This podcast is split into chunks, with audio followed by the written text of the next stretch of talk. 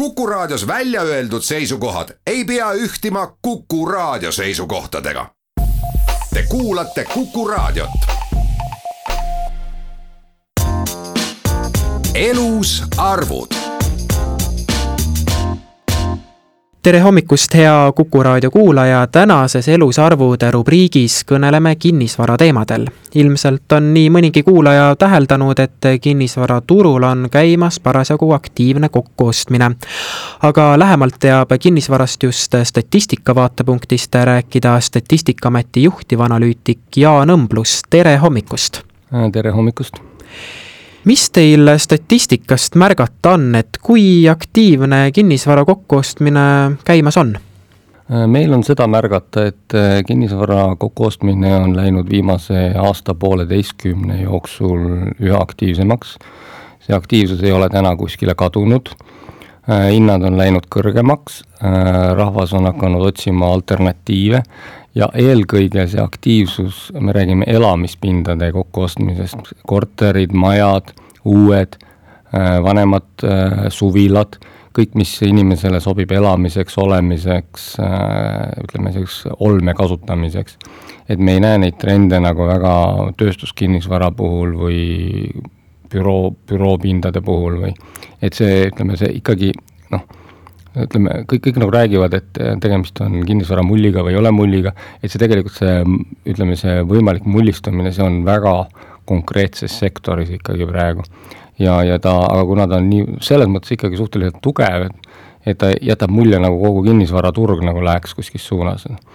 Sest no samas metsamaad ja põllumaad ja need on ikka, ikka olnud nagu hinnas ja toimuvad ka praegu tehingud aga niisugune nagu hinnatõus ja kas on võimalik puudujääk, mis on kvaliteet, kuidas kliendid kiirelt ümber reageerivad, milliseid alternatiive otsivad, kes hinnaga kaasa tuleb, kes kuidas finantseerib, et see, see kuum temaatika puudutab eelkõige ikkagi elamispindade turgu.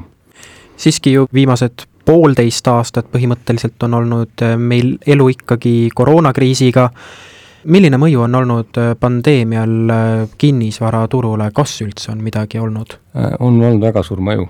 Ja, ja see mõju on täpselt vastupidine sellele, mida tegelikult enamus arvas, enamus arvas seda, et tuleb kriis, noh, paljud ettevõtted kaotavad käibeid, paljudel inimestel kaovad töökohad, tekib, noh, tekib majanduslangus, eks ju, majanduslangusega kaasneb tavaliselt ka kinnisvarahindade langus. ja aga kindlasti mitte tõus on juhtunud hoopis vastupidine ja vastupidine, see on üllatanud kõiki analüütikuid meil ja välismaal. et, et ja mis on põhjus, noh, inimesed nagu sattusid ebakindlasse olukorda. nüüd, nüüd sa tahad teha oma rahaga midagi kindlat, kui sa enne nagu reisisid ja noh, elasid ja nüüd sa ei saanud elada, sa pidid istuma kodus nüüd sa, nüüd sa ei saa reisida ja üleüldse see ebakindlus tuleviku seas, et tuleb uus laine, jälle uus laine ja uus viirus, no mis on, tähendab, ma tahan endale midagi reaalset, ma ostan endale korteri, ma ostan endale maamaja, ma ostan endale suvila, mul on vähemalt kuskile minna, kui linnas on jälle piirangud, ma lähen elan seal, ma kasvatan oma kartuli, ma kasvatan oma organdi, vajadusel lähen metsa jahile, ma saan hakkama. et inimestel tekkis ühelt poolt niisugune nagu vajadus nagu millegi reaalse järgi et ma tahan ennast kindlustada millegi reaalsega, teis-, teiselt poolt tekkis inimestel vajadus nagu luua endale alternatiivne elumudel, mis on siis nagu võib-olla natuke noh, võimalikest uutest piirangutest nagu aitab nagu väljaspoole või isoleerib mind ühiskonnas või annab mulle luua nagu võimalus oma maailma, kus ma saan nagu elada sõltumatult sellest, mis muu maailmas toimub. tekkis nagu see vajadus. nüüd täiendavalt tekkis ju inimestel rohkem raha äh, mis tähendas seda, et raha ei kulutatud enam teatud, teatud ühiskonna noh, osad inimesed kaotasid töökoha, läks elu, elu raskemaks, osadel inimestel palk laekus kenasti edasi, aga nad ei kulutanud seda. Äh, kõik räägivad rahatrükist, inflatsiooni ootus, mis on ühiskonnas sees analüütikud seda ei kinnita, aga ühiskonnas on sees väga, väga suur inflatsiooni ootus. järelikult ma, ma pean oma raha paigutama, et noh, inimesed kardavad, et raha kaotab väärtuse, ma pean võtma midagi reaalset. Eesti inimese jaoks midagi reaalset on kinnisvara. Eesti inimese jaoks aktsia ei ole tegelikult midagi reaalset või võlakiri või veelgi vähem mingi derivaatinstrument. No, kinnisvara on reaalne asi, korter, maja, maalapp, metsatükk, see on reaalne asi tekkis niisugune nagu ühelt poolt niisugune nagu raha kaitsmise moment, teiselt poolt nagu enda kaitsmise moment, kolmandalt poolt lihtsalt nagu elustiili muutus. no kõik need, need vektorid tegelikult hakkasid liikuma ühes suunas ja, ja see tekitas nagu ostulaine ja noh, loomulikult turg käitub ju veel niimoodi, et kui ühed hakkavad ostma, siis teised vaatavad, miks nad ostavad, pean ka ostma. et turul on alati ka niisugune nagu massipsühhoosi nagu moment ja, ja need kõik vektorid kokku tekitasidki selle, et hakkas tormijooks äh, elamispindadele. ja see on koroona mõju tegelikult kuivõrd on selline tormijooks, siis kas ei või tekkida olukord, et ükskord saab kaup otsa või kaupa jääb väheks, et äh, et kuidas sellega on, et äh, kas äh, on tekkinud kinnisvaraturul ka selline defitsiit? vot see on huvitav küsimus. eelmine aasta võeti nagu kinnisvarafirmad ja ehitusfirmad lähtusid nagu printsiibist, kui me räägime eelmise aasta märtsist, kui see nagu esimene nagu suurem viiruse teema tekkis et, et äh, noh, keegi, kõik tõmbasid nagu tagasi, ei julgetud nagu midagi teha, võeti seisukoht, et olemasolevad objektid ehitatakse lõpuni. nüüd, sügisel, ütleme talvel, selgus, et tegelikult ei lähe mitte nagu katastroofiks, see turg ei sure välja, vaid vastupidi, meid ootab buum siis ühel hetkel, ühel hetkel läksid nagu, me, me analüüsime ettevõtetega ehitusettevõtete käibeid ja ehitusmaterjalide hindu ja kõiki neid momente. ja on väga selgelt näha, kus siis nagu november, detsember ja natuke ka eelmise aasta oktoobris juba käibed kukkusid, hinnad kukkusid tegelikult. ja, ja siis nüüd ütleme siis alates jaanuarist, veebruarist me näeme jälle väga kiiret tõusu, kaks korda, poolteist korda, noh käivetes näiteks, kes müüvad seal rauakaupu ja sanitaarkaupu ja kes müüvad kips, kipsplaate ja ja, ja kes teevad ehitustöid ja ütleme siis eelmise aasta detsembriga ja nüüd võrreldes umbes praeguse hetkega, noh, mõned käibed on äh, tõusnud kaks korda. et ühesõnaga eelmise aasta lõpus toimus niisugune nagu madalpunkt, kus siis nagu eelmised objektid said valmis, aga siis nagu mitte ei pakitud majandust kokku, mida alguses plaaniti, et hakkame vaatama, mis nüüd saab, vaid vastupidi, tekkis uus buum ja siis kiirelt turg uuesti reageeris. et see defit-, ütleme tegelikult, kui hind tõuseb, see on iseenesest nä-, näide juba defitsiidist, kui hind tõuseb kakskümmend protsenti keskmiselt, see tähendab seda, et nõudlus ületab pakkumise, see viibki hinna üles, järelikult pakkumine ongi väike.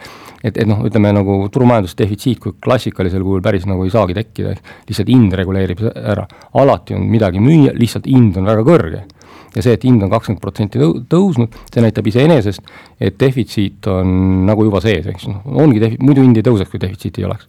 aga, aga ta nagu lihtsalt nagu realiseerub hinna, hinnakasvuna. aga nüüd nagu pakkumine tuleb jälle peale, käibed on, no meel, meeletu ehitamine käib tegelikult, selles mõttes ma nagu niisugust nagu maailma lõppu, et, et enam ei ole korterit osta, tegelikult ei, me ei näe, eks et, et neid tuleb peale ja inimesed ostavad ja noh, kuhu nüüd hinnad kulgevad, see on nagu iseküsimus. sest noh, üks asi, hind, tuleb ju nõudlusest pakkumisest ja öeldakse, et eestlane on tegelikult kinnisvararahvas, noh, sakslane on vastand, sakslane rendib, eestlane omab. eestlasel on oma värav, oma, oma, oma talutee, tähendab oma aed, oma mets, minu maja. vaata, vaata noh, see, see on nagu niisugune nagu rahvuslik kontseptsioon meil juba, et noh, see tul-, see tuleb kuskilt nagu ajaloost ja, ja, ja tulenevalt sellest nagu eestlane tahab nagu omada, eestlane ei näe varianti, et me nagu, ma rendin eluaeg, no miks ma maksan pangale, miks ma maksan teistele, ma maksan juba endale selle. et, et, et, et selles mõttes noh, eest-, eestlane on nagu ütleme, selles mõttes, kuna eestlane on heas mõttes nagu kinnisvarahull, eks, et, et, et meie hinnatase oli enne pandeemiat kõrge, nüüd on ta veel kõrgem aga, aga see, et see, meil on nii tugev nagu psühholoogiline kinnisvara kalduvus nagu inimestes, see, see, see tegelikult hoiab neid hindu üleval, eks ju. ja kui öeldakse, et meil on buum ja hinnad kukuvad kokku, siis tegelikult hindade kokkukukkumine sõltub ju sellest, et eh, kuidas turg reageerib. aga kui, kui Eesti inimene on ainult kinnisvara ostja ja ki-, paljude, üheksakümne protsendi jaoks, kui sa ütled, üheksakümne protsendi inimeste jaoks, kui sa ütled investeering, siis see tähendabki tegelikult mingisugust kinnisvara paigutust kui mõeldagi siin selle välismaal toimuva peale, et võrdlesite siin pisut Saksamaaga, kuidas välismaal on, et kas seal on ka sellist suuremat kokkuostmist või see on pigem selline Eestile omane trend? ei, üldiselt üldtrend, kui öelda, on tegelikult see, et igal pool ostetakse praegu.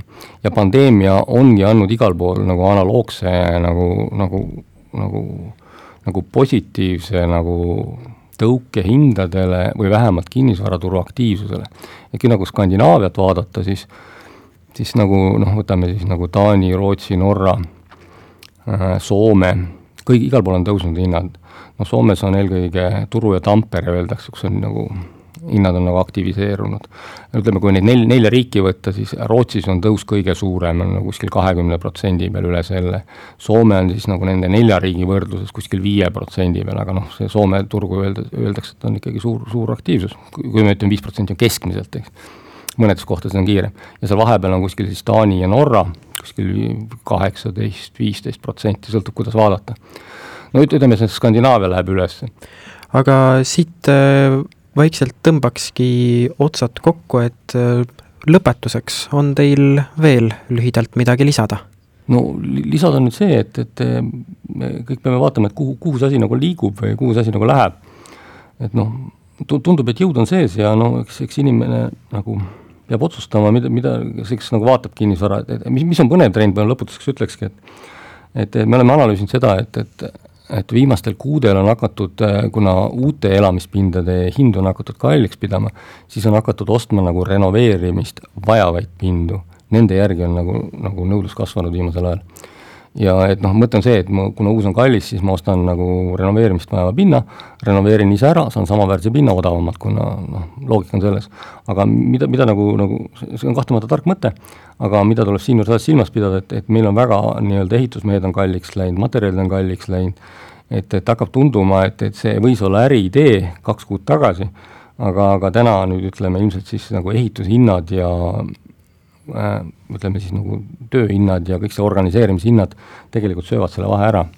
nii et ühesõnaga, mõte on selles, et äh, turg ilmselt püsib äh,, me natuke vaatame uut reaalsust äh,, turg on, inimesed on väga targad, otsivad alternatiive, aga, aga kuna turg muutub kiiresti, siis tuleb kiiresti äh, ka noh, pidevalt üle arvutada, et mis on ikkagi nagu lahendus ja mis ei ole lahendus aga suur-suur aitäh teile, Jaan Õmblus, et te leidsite aega selgitada raadiokuulajale kinnisvaraturul toimuvat. elus arvud